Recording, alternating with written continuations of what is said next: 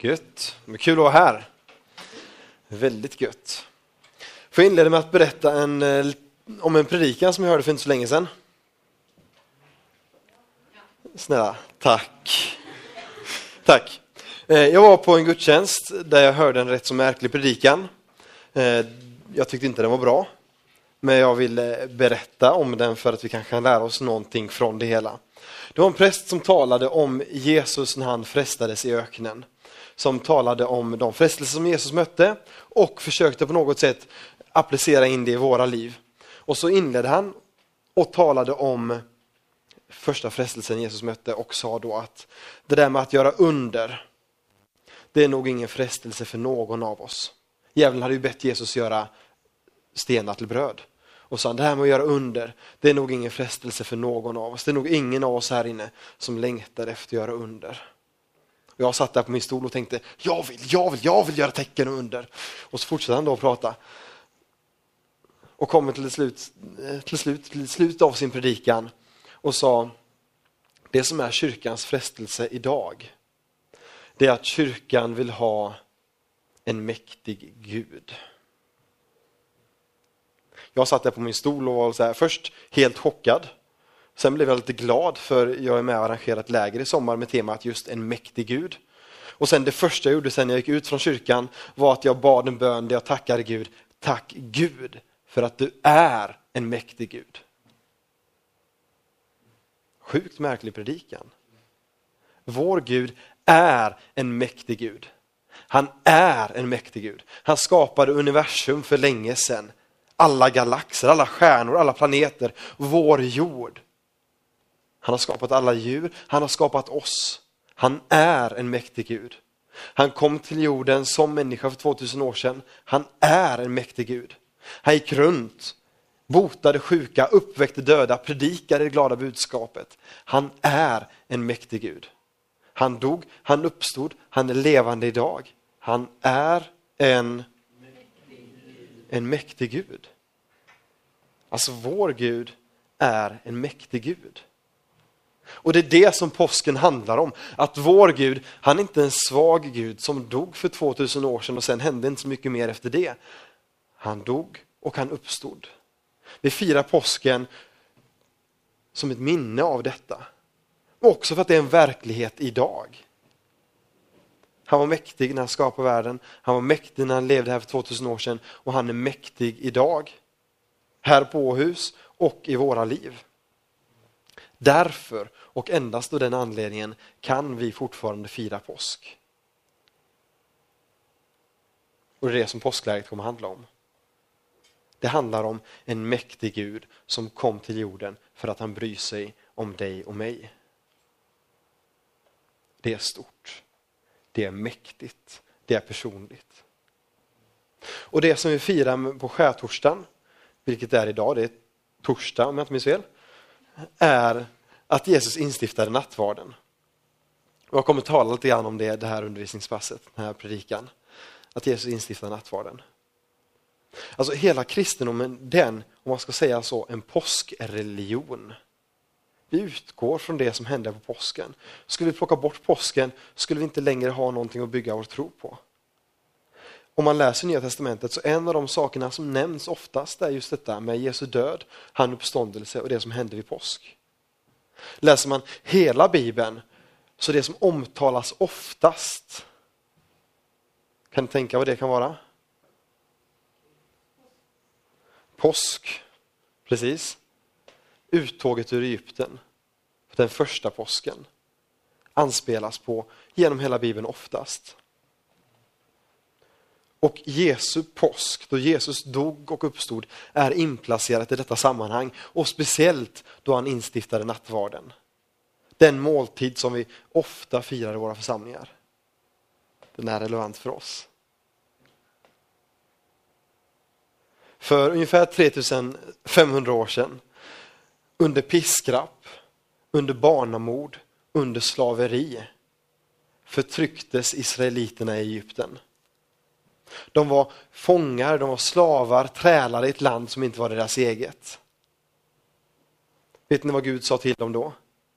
Han talade till dem i den situationen, i deras lidande och så sa han, jag har sett förtrycket. Jag har hört era böner, jag känner ert lidande och jag har stigit ner för att befria er. Så Gud såg israeliternas situation. Det lämnade inte honom oberörd. Han sa, jag har sett, jag har hört, jag känner och jag har stigit ner för att befria er. Och ni känner säkert till en del av påskberättelsen på ett eller annat sätt. Det som hände den befrielsens kväll var att alla israeliter slaktade ett lamm. Gud försökte på olika sätt befria sitt folk genom att vädja till egyptierna om att de skulle släppa israeliterna. Men egyptierna vägrade. Så Gud pressade och pressade och pressade på. Till slut så sa Gud att det kommer komma en hemsökelse som kommer drabba alla familjer som inte har blodets beskydd. Och så fick alla då uppmaningen att slakta ett lamm, det första påskalammet. Ta blodet från det påskalammet, stryka på dörrposterna. Som ett tecken för att här har någon annan dött i det här barnets ställe som annars skulle dö av hemsökelsen. Det här blodet innebar ett beskydd för den familjen. De beskyddades och dagen efter så körde egyptierna ut israeliterna från Egypten. Ett lamm var slaktat i deras ställe. Gud befriade och de tågade ut ur Egypten. Sedan dess har judarna firat högtiden Pesach. Till minne av Guds befrielse. Pesach det betyder gå förbi eller skona. Alltså utifrån det ordet, att när blodet fanns på dörrposterna så skonades de som var där inne genom blodets beskydd. Och Pesach har kommit sen att bli vårt svenska ord påsk. I judendomen så är påsk, precis som kristendomen, en av de stora högtiderna. En annan sak som hör till påsken, jag vill tala lite grann om den judiska påsken, för det var i det sammanhanget som Jesus instiftade nattvarden. Och utifrån det så kan vi förstå mer av vad nattvarden är. Jag tror att ibland kan det nog bli så med oss, att vi går fram till nattvarden, men vi har lite svårt att vi har lite svårt att se relevansen för det, kanske. Jag tror det kan bli så ibland. Så jag vill placera in det första nattvardsfirandet med Jesus och hans lärjungar i den judiska påsken. För att vi där ska se vad det betyder för oss idag. Den första påsken var tvungen att ske i hast. De stressade. De stressade för att de skulle snart fly ut från Egypten. Det de gjorde då var att de var tvungna att baka bröd. De skulle baka bröd som de kunde äta, men eftersom de var tvungna att gå fort så kunde de inte låta det jäsa. Så det var osyrat bröd, alltså ojäst bröd. Och därför har påsken också kommit att kalla det osyrade brödets högtid. Påsk, dels för Pesach, att gå förbi skorna, men också det osyrade brödets högtid, för att brödet inte hann jäsa. Och observerar man hur judar firar påsk idag, så inför påsk så går de igenom hela huset, jagar, re, jagar rent efter allt som kan vara jäst, efter allt som kan vara lite syrat. Och så slänger de ut det från huset. För att få bort allt det syrade. Och det är lite grann ett tecken på att i ord och i handling rensa ut. Alltså det syrade, det jästa blir ett tecken på förruttnelse. Så i ord och i handling när de rensar ut det sura, det jästa, så visar de att vi vill rensa bort förruttnelsen från våra liv, synden i våra liv och komma rena inför Gud.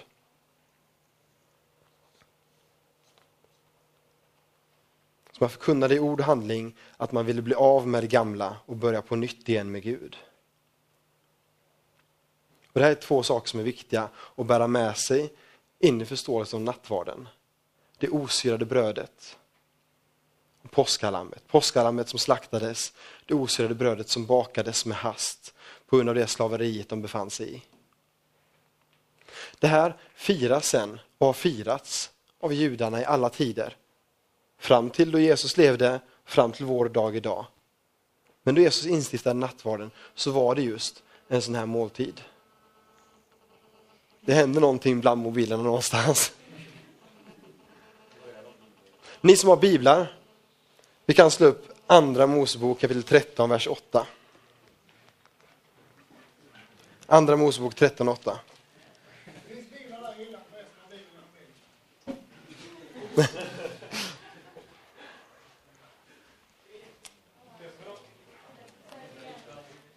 Andra Mosebok kapitel 13, vers 8. Har ni inte bibel så läser jag så ni kommer höra ordet ändå. Men det är alltid kul att kunna slå upp själv och läsa. Andra Mosebok 13.8. Vet ni en sak som kan vara bra att inse? Efter uttåget i Egypten så fortsatte judarna att fira påsk. Den första påsken var då de gick ut ur Egypten. Efter uttåget fortsatte de att fira påsken till minne av uttåget ur Egypten. Och då bland annat så åt de påskalamm och åt otsyrat bröd. Men den första påsken, då var de ännu inte befriade. tycker jag kan vara lite kul att tänka på. Hebreerbrevet talar om att de firade påsken i tro. Så i Hebreerbrevet 11 så beskrivs det, jag tror det är Hebreerbrevet 11, 28, så beskrivs det hur de första israeliterna firade påsken i tro. De var inte befriade än från Egypten, men de firade högtiden till befrielsen ur Egypten som sen skulle äga rum. Genom att äta påskalamm och att äta osyrat bröd. Och det säger någonting om hela påskfirandet genom hela gamla testamentets tid. Det pekar framåt på en befrielse. Första, första firandet pekade tydligt framåt mot en väldigt konkret befrielse en dag senare. Firandena, de resterande 1400 åren ungefär, pekade väldigt konkret framåt också mot Jesu korsdöd och uppståndelse. Och påskfirande idag pekar fortfarande på Guds befrielse, men man har inte riktigt alltid insett var befrielsen och hur befrielsen ägde rum. Men i alla fall, i Andra Mosebok kapitel 13 ska jag också slå upp, vers 8. Där står det lite grann om hur de ska fira påskhögtiden. Och det står så här. På den dagen ska du förklara för din son. Tänk då att detta är föreskrifter som ska gälla ett år efteråt, två år efteråt, tusen år efteråt. På den dagen, under påsk alltså, ska du förklara för din son, detta gör jag på grund av det som Herren gjorde för Detta gör jag på grund av det som Herren gjorde för mig. Tusen år efter uttåget i Egypten var det du som gick ut ur Egypten. Ja eller nej? Nej. Men ändå ska du förklara för det som Herren gjorde för mig. För att det är en befrielse som gäller dig också. Så genom hela gamla testamentet, när de firar påsk, så firar de påsken med en medvetenhet om att visst, det är en historisk händelse som ägde rum vid uttaget ur Egypten, men en historisk händelse som gäller mig. Så när de skulle lära det vidare till sina barn skulle de säga att det var jag som fördes ut ur Egypten. Alltså det här är Guds föreskrifter till familjerna hur de skulle fira påsk. Att de i familjerna skulle förklara för sina barn att det här påskafirandet, då vi slaktar ett lamm, då vi äter osyrat bröd, då vi jagar ut allting som är jäst i hela huset. Det gör vi på grund av det som Herren gjorde för mig när jag fördes ut ur Egypten för tusen år sedan. Men mamma, du är bara 40 år gammal. Ja, men Herren gjorde det för mig och Herren gjorde det för dig. Uttåget är relevant, uttåget gäller dig. Uttåget som handlar om en befrielse från förtryck, en befrielse till att vara inför Guds närvaro. Jag läser vidare, jag stannar någonstans.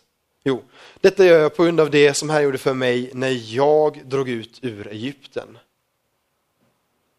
Så tanken är att den här befrielsen ägde historiskt, konkret, rum vid ett tillfälle, men den befrielsen som Gud ville ge gäller alla människor. Ur ett andligt Egypten, ur ett andligt förtryck till ett liv i närvaro med Gud. Så hela den måltiden egentligen som judarna firar är en dramatisering av det som hände då för ungefär 3500 år sedan.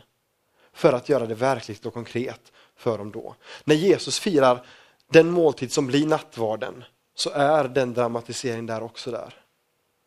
Där de egentligen, för de firar uttåget ur Egypten och på ett väldigt tydligt konkret sätt pekar Jesus på att det här, det handlade om mig. Det pekade fram mot mig. Så som första påskens händelse, eller firande, pekade fram mot den befrielse som skulle äga rum natt, på morgonen dagen efter den natten. Så pekar hela påskfirandet fram mot Jesus. Men det kommer vi till snart. Um, man skulle äta osyrat bröd. Man skulle dricka vin till den här måltiden. Vi kan slå upp andra Mosebok kapitel 6. Det är några kapitel bak. Andra Mosebok 6. Jag kommer bara lyfta fram lite så fragmentariska bitar från påskfirandet. Så ni kanske inte får en helhetsbild. Eh, jag vet inte om ni känner att ni får grepp kring hela påskfirandet som judarna firade. Men jag hoppas att ni får grepp om det så pass mycket att ni ser på vilket sätt det pekade framåt. Och nu är vi i Andra Mosebok kapitel 6, vers 6.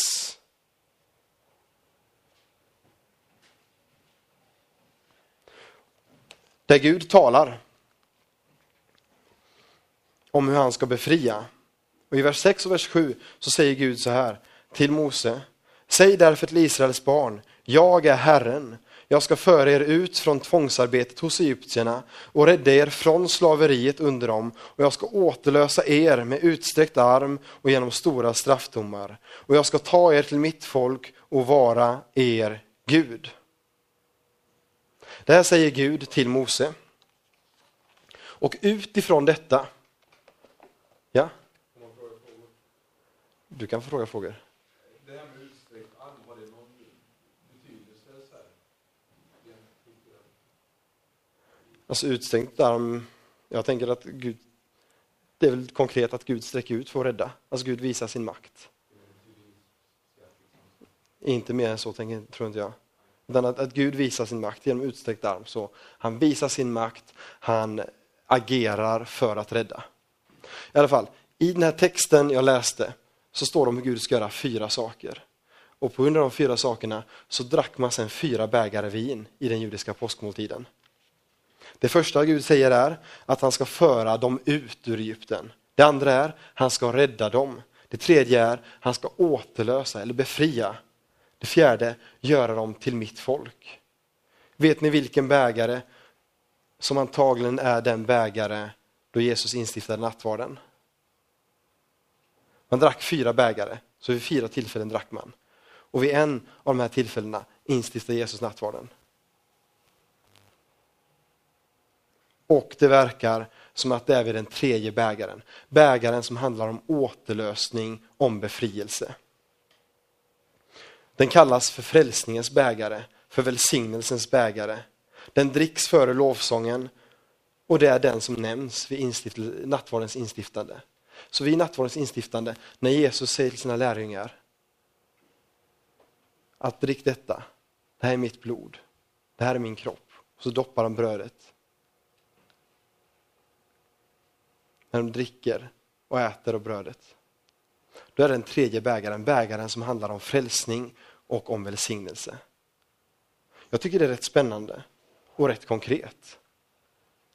Att i ett påskfirande som hållit på länge, som talat om Guds befrielse, i ett påskfirande som är konkret, där varje handling har en innebörd, där det de äter och dricker har en innebörd, så vid den tredje bägaren som handlar om frälsning och välsignelse, så instiftar Jesus nattvarden som handlar om att ta emot hans kropp och hans blod hans förlåtelse. Paulus talar också om nattvardens bägare som välsignelsens bägare i första Korinthierbrevet 10, 16.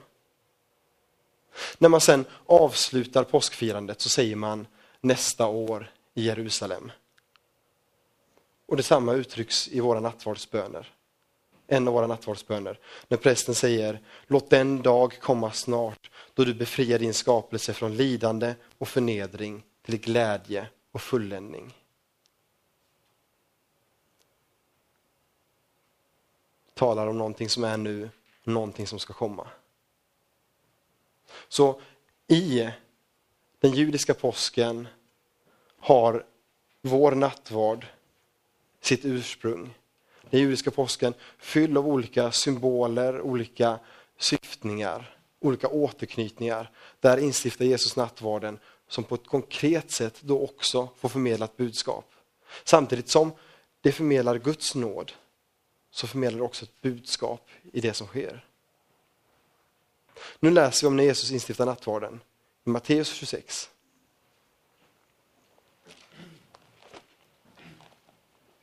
Matteus kapitel 26, vers 26. Matteus 26, 26.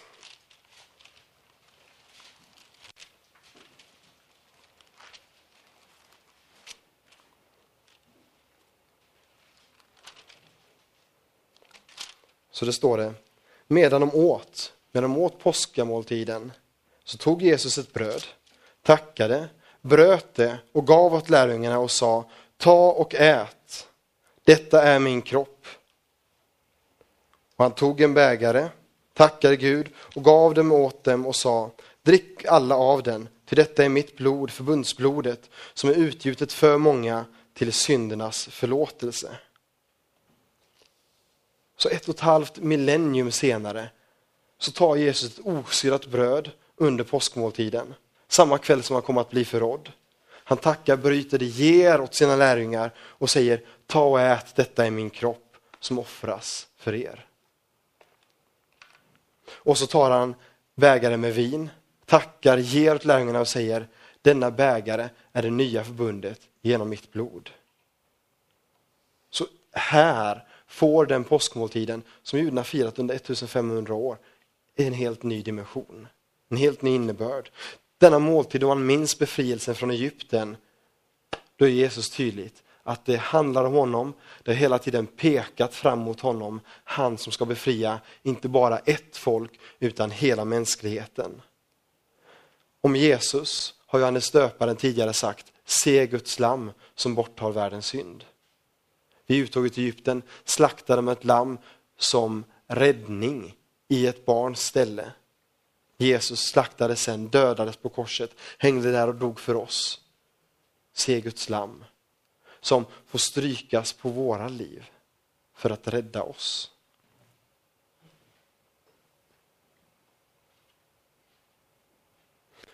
Också brödet har en stor likhet med Jesus. Det osyrade brödet kallas i femte Mosebok för ehm, um, utsatthetens bröd. Och det pekar på hur Jesus tog vår utsatthet. Så påskmåltidens innebörd alltså fördjupas för lärjungarna. Den har haft en innebörd tidigare och helt plötsligt får de inse att det handlar om Jesus. Det handlar om Jesus som skulle dö för hela mänskligheten för att sona, skona, Pesach. Det handlar om hans blod som rann. Det handlar om frälsning. Det handlar om han som tog vår utsatthet. Oskyldigt korsfästes han, på samma sätt som påsklammet i Egypten oskyldigt slaktades i folkets ställe. Han tog vår utsatthet, hans blod rann för oss när han dog på korset. Och bland det sista han sa innan han dog var Fader förlåt dem. Vi som egentligen bär på synd blir genom Jesus och det han har gjort förlåtna. Nattvarden förkunnar detta. Så varenda gång man firar nattvarden i världen så säger nattvarden Jesus Kristus, Guds lam, offrades i ditt och mitt ställe. Nattvarden innebär mycket mer än så också, men nattvarden är dels en förkunnelse om uttåget ur andlig fångenskap. Nattvarden pekar inte bara bakåt på det som en gång har hänt, utan pekar också framåt mot vad som väntar oss i framtiden.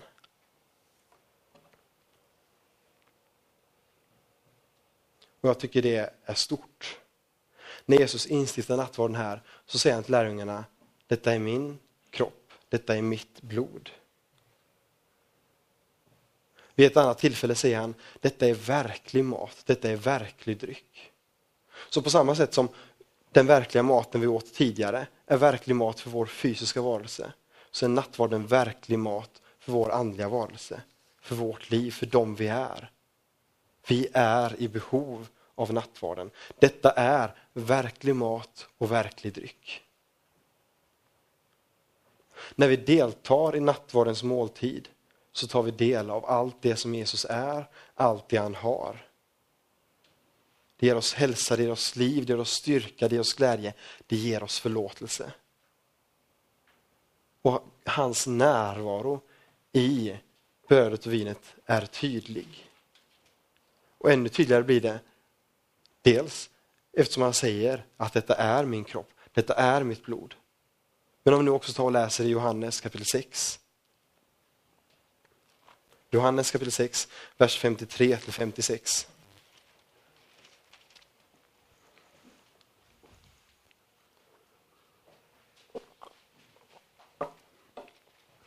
Johannes kapitel 6. Där det står att Jesus svarade, Amen, amen säger jag er. Om ni inte äter Människosonens kött och dricker hans blod har ni inte liv i er. Låter det som ett schysst uttalande?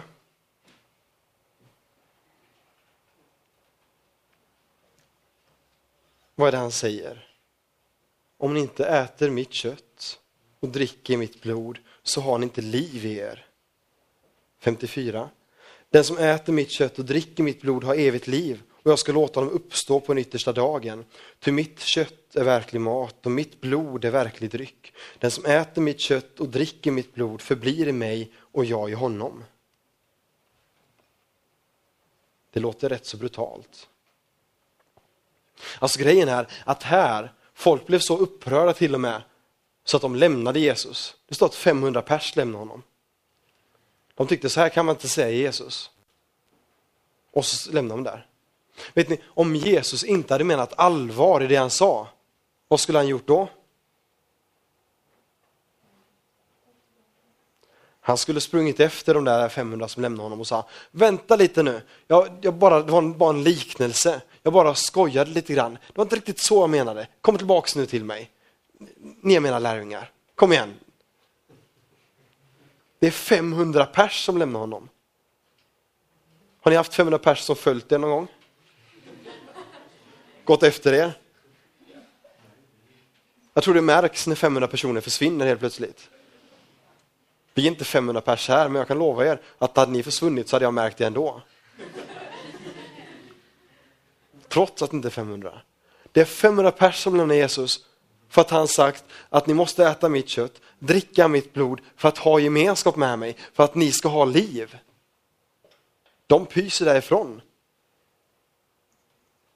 Och Jesus frågar sina lärjungar, sina tolv närmsta lärjungar, ska ni också lämna mig? För han, han visste att det han hade sagt, det var sanningen. De tog anstöt av det. Då kan inte han försöka fjäska tillbaka dem på något sätt. Det var sanningen. Detta är verklig dryck, verklig mat. Och när Jesus sen, den kväll då han förråds, instiftar nattvarden genom att säga att man ska fira den här måltiden och minnas Jesus det han har gjort. Att man ska fira den här måltiden och ta emot hans kropp och ta emot hans blod. Så jag är övertygad om att de lärjungar som var med där, de mindes Jesu ord där han hade sagt, det här är verklig mat, det här är verklig dryck.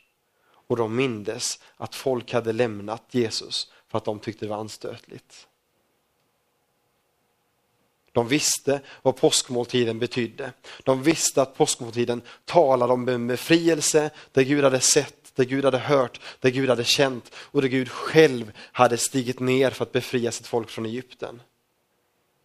De visste att påskmåltiden hade börjat firas innan det hade skett som en, alltså nästan ett profetiskt handlande för det som skulle ske.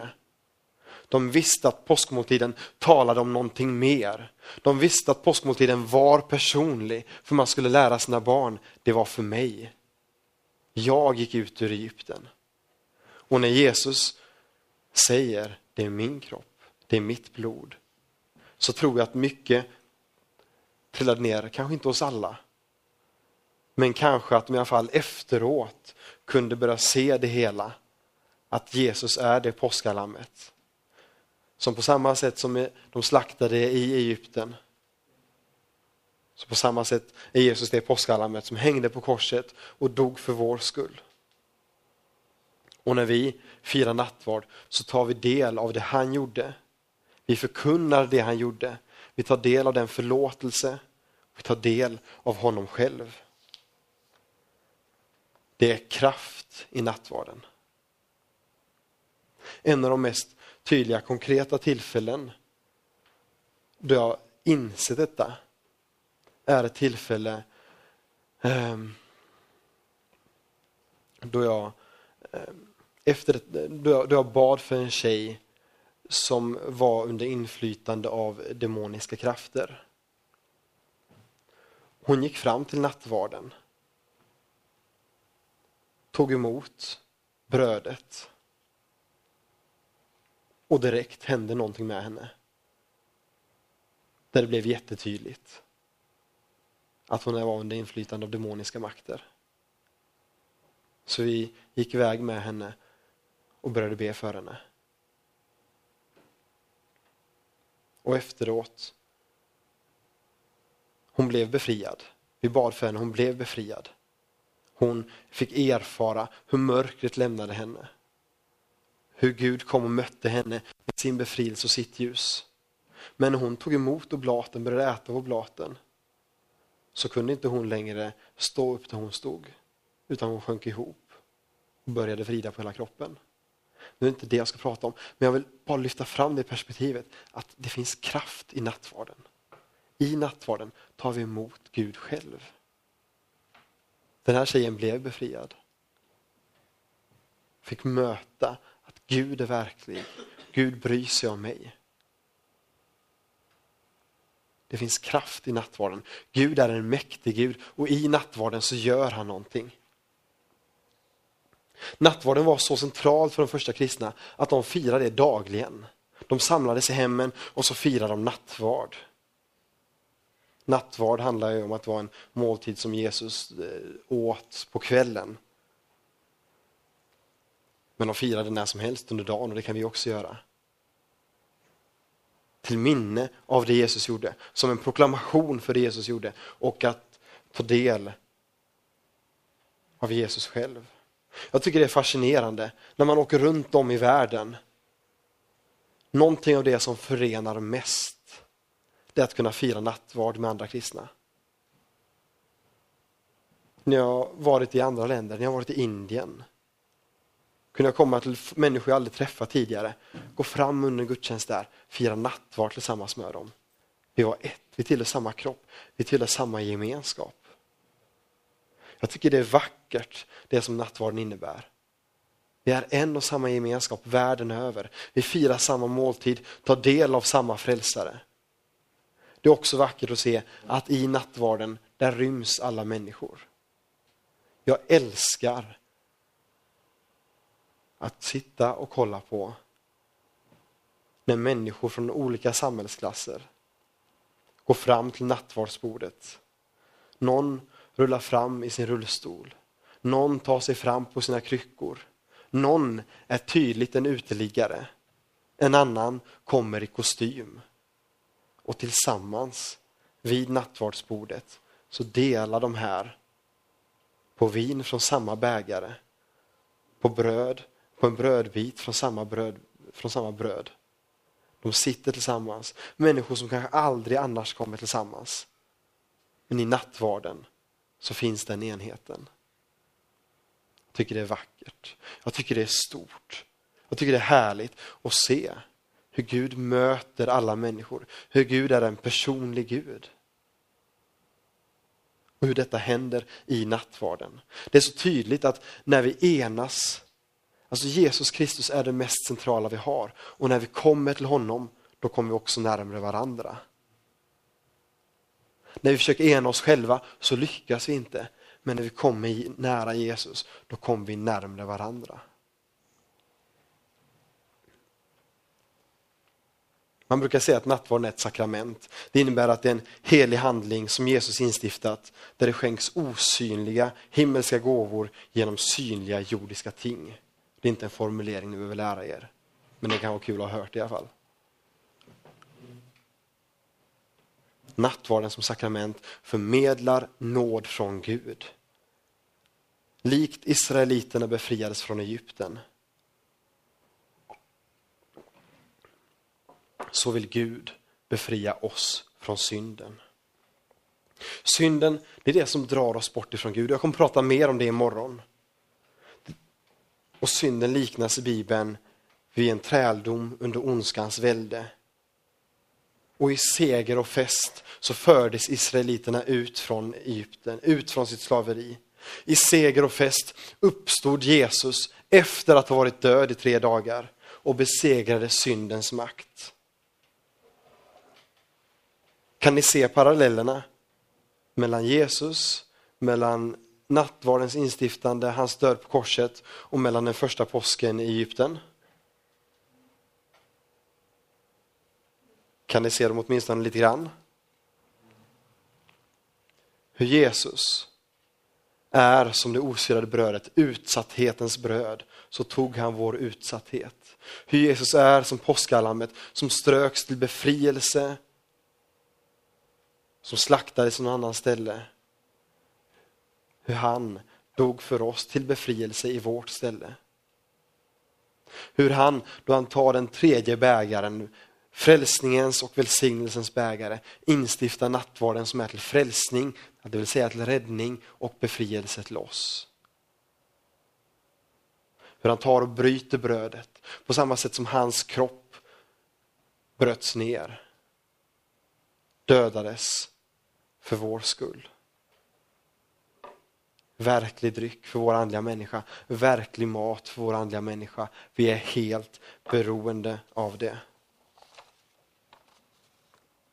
Nattvarden förkunnar detta och nattvarden förmedlar detta. Vi får del av Jesus Kristus själv. Gud har förberett nåden, Gud har förberett förlåtelsen. Innan vi går fram för att ta emot nattvard så säger prästen Kom, nu är allt tillrätt. Innan Jesus dog så sa han, nu är allt fullbordat. Han förberedde förlåtelsens möjlighet för oss. Minns ni vad föräldrarna skulle lära sina barn om befrielsen i Egypten? Att detta firar vi för att jag befriades från Egypten. För det som Herren gjorde mot för det som Herren gjorde mot Nej. mig. I nattvarden förkunna samma sak. Kristi kropp för dig utgiven. Kristi blod för dig utgjutet. Och vi kan säga Kristi kropp för mig utgiven. Kristi blod för mig utgjutet. När Jesus instiftar nattvarden så är det inte en mysig liten chipskväll de har. Det är en påskmåltid med anor 1500 år tillbaka som vittnar om en verklig konkret händelse där Gud befriade sitt folk. Och när han instiftar nattvarden gör han det för att du och jag ska få del av Guds befrielse. Kristi kropp utgiven för mig. Kristi blod utgiven, utgjutet för mig. Kristi kropp utgiven för dig. Kristi blod utgjutet för dig. Det är en verklighet för oss. Denna personliga verklighet vittnar om att Gud vill möta oss alla var och en personligt.